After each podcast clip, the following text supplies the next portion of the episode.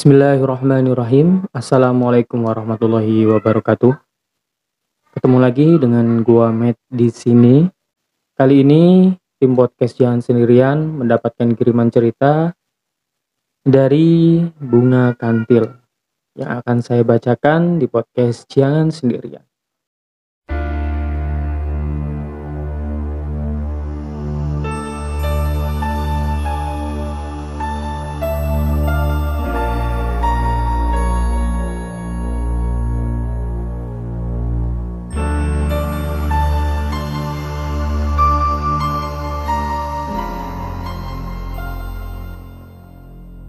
Padang Bulan bukan nama desa yang sebenarnya.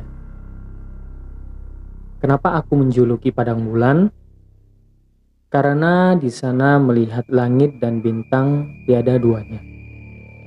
Kalau kita duduk di bukitnya, kita bisa merasakan menggapai bintang dan bulan dengan sangat mudah. Apalagi kalau bulan sedang terang. Aku suka berlama-lama, duduk di atas bukit kecil, sambil tak berhenti takjub memandanginya. Salah satu ciptaan Allah itu. Kenapa aku bisa tinggal di sana? Begini ceritanya. Awal bulan Desember itu, Tante Hana main ke rumah Nini. Tante Hana ini adalah saudara ipar bibiku. Dia tinggal di desa yang lumayan jauh perjalanannya Dia tinggal di desa yang lumayan jauh perjalanannya dari kota kami.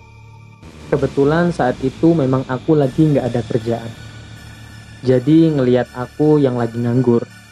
Tante Hana nawarin aku buat nyari kerjaan di perusahaan kelapa sawit yang banyak berdiri di desanya Tante Hana. Singkat cerita, setelah diizinkan ini, hari itu kami berangkat berlima. Aku, Tante Hana, Om Bekti, dan kedua anaknya yang masih kecil. Selama enam jam perjalanan, sampailah kami di sebuah tempat.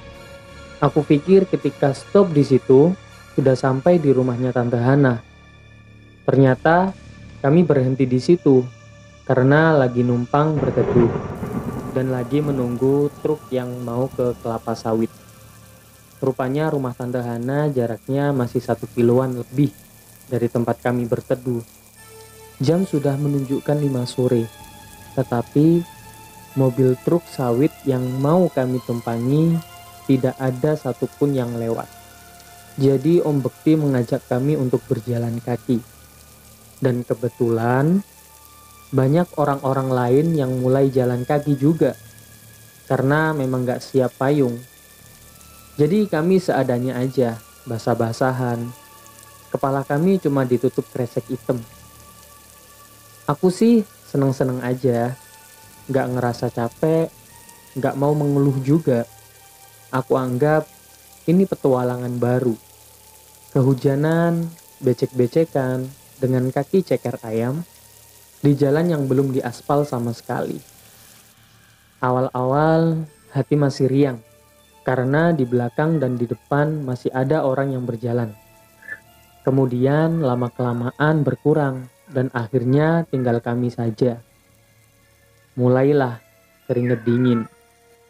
Mau nanya ke Tante Hana berapa jauh lagi perjalanannya nanti digerain bawel. Jadi aku diem aja di situ.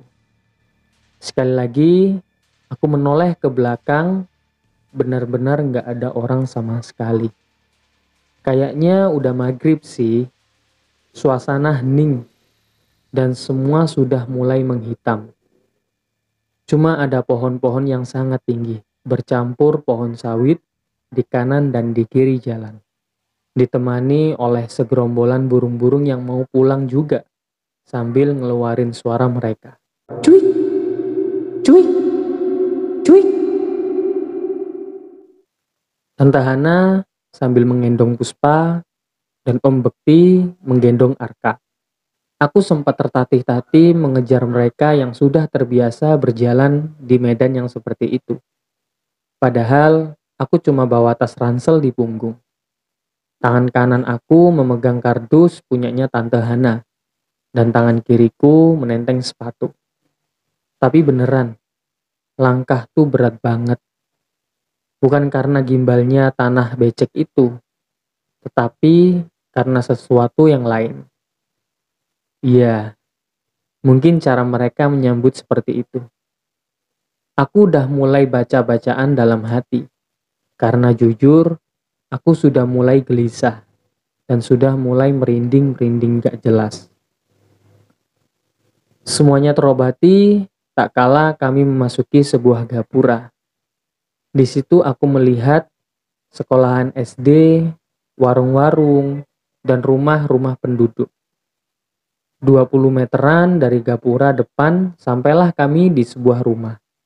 Belum bisa ngelihat banyak saat itu karena memang kami sangat gelap, bukan karena mati lampu. Tapi di desa itu listrik belum masuk.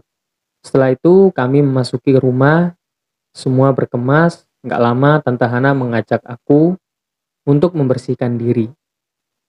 Tante Hana membuka pintu belakang dan menyiapkan sebuah obor. Awalnya aku pikir ketika pintu dapur dibuka, itu langsung kamar mandi. Ternyata bukan. Tante Hana mengajak aku ke sebuah tempat. Tempat ini dari rumah Tante Hana jaraknya 5 meteran. Dengan hanya mengandalkan penerangan sebuah obor, aku nggak bisa banyak melihat dalam jarak pandang jauh. Tapi untuk di sekitaran, aku cukup bisa melihat. Tempat pemandian itu adalah sebuah sumur tradisional dengan timba dan katrol. Alas bagian bawahnya sebagian ada yang rerumputan dan sebagian lagi ada kayu-kayu yang disusun-susun gitu Tante tinggal sebentar ya. Mau ambil ember buat isi air minum. Iya, Tante, kataku. Aku baru akan mulai mandi sampai aku mendengar ada seseorang yang lagi nimba air. Nggak ngerti itu siapa, aku baru akan mulai mandi. Sampai aku dengar ada seseorang yang lagi nembang. Gak ngerti itu lagu apa dan artinya apa, tapi dari sedikit bahasanya itu bahasa Jawa. Penasaran? Penasaran karena ada yang nembang malam-malam gini. Aku langsung bangun dari posisi dudukku, nengok ke kiri, tapi nggak ada siapa-siapa. Nengok ke kanan, aku lihat ada mbak-mbak yang lagi mandi juga. Mbak ini pakai kain setengah badan gitu. Rambutnya dicepol. Cahaya obor bisa menerangi wajah sebelah kirinya. Bagian wajah sebelah kanannya nggak kelihatan. Karena memang posisinya agak menyerong gitu. Hidungnya mancung. Cantik dan mbak ini wangi banget. Baru aku mau sapa, tiba-tiba Tante Hana datang dan menumpuk pundakku. Kok melamun? Katanya Tante Hana. Oh, enggak Tante. Kakak enggak ngelamun kok. Jawabku begitu. Kakak lagi mau ngajak ngobrol mbak itu. Kataku sambil menunjuk mbak cantik yang lagi mandi tadi. Tapi si mbaknya udah nggak ada. Dan wajah tante seperti nggak suka. Selanjutnya, tante menyuruh aku buat buru-buru mandi. Selesai mandi, kami makan malam, ngobrol sebentar, kemudian tidur. Dan aku bangun ketika sudah jam setengah enam pagi. Aku lihat di tempat tidur sebelahku Tante Hana dan Puspa nggak ada lagi di kasurnya. Lalu aku bangun mencari sosok Tante Hana. Tapi nggak ada. Cuma ada Puspa yang lagi makan pisang goreng di kursi depan. Mamah mana Pus? Tanyaku. Di sumur kak? Jawab Puspa begitu. Aku langsung menyusul jalan ke bawah ke tempat pemandian itu. Jalannya nggak susah, cuma mengikuti alur setapaknya saja. Setengah enam itu sudah mulai terang lah ya. Sudah bisa buat ngelihat pemandangan kanan dan kiri. Ketika sampai di tempat pemandian itu, aku benar-benar kaget banget. Karena itu bukan tempat pemandian umum. Di sumur, mata air khusus keluarga Tante Hana saja. Nggak ada siapa-siapa. Di kanan dan di kirinya. Kiri hutan, kanan hutan. Depannya juga hutan dan jalan ke sumur ini cuma bisa diakses dari rumah Tante Hana. Itu artinya Simba semalam siapa?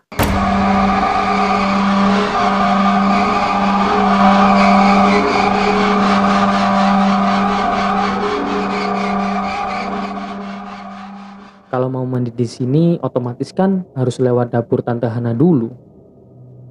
Nggak habis pikir dan bingung. Karena penasaran, aku tanya ke Tante Hana yang lagi nimba air di sumur itu. Semalam kakak mandi ada yang nemenin Tante.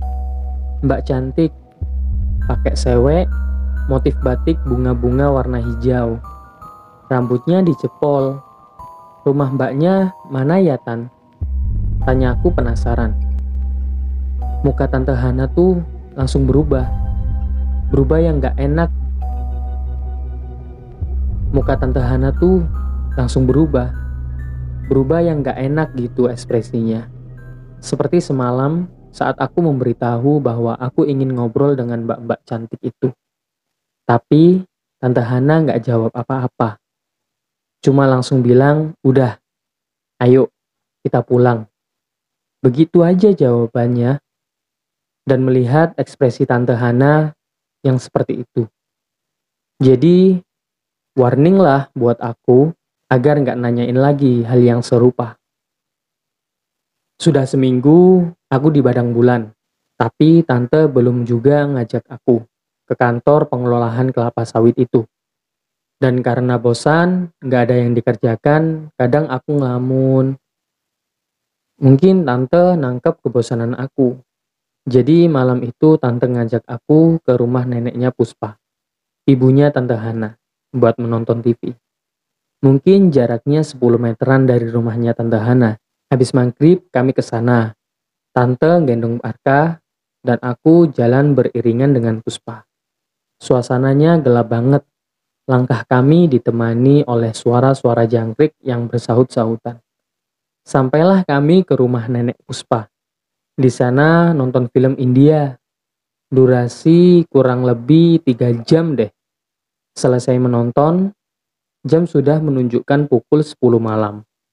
Jadi pas mau pulang itu, kata Tante Hana, Kak, kalau mau cuci muka atau mau pipis, di kamar mandi nenek aja ya.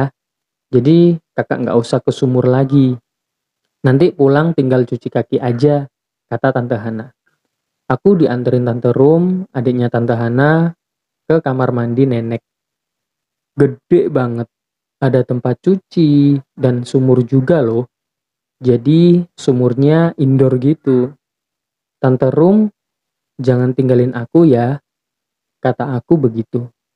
Karena pas aku mau masuk ke kamar mandi ini, Tante Rum bilang, mau tunggu di luar aja.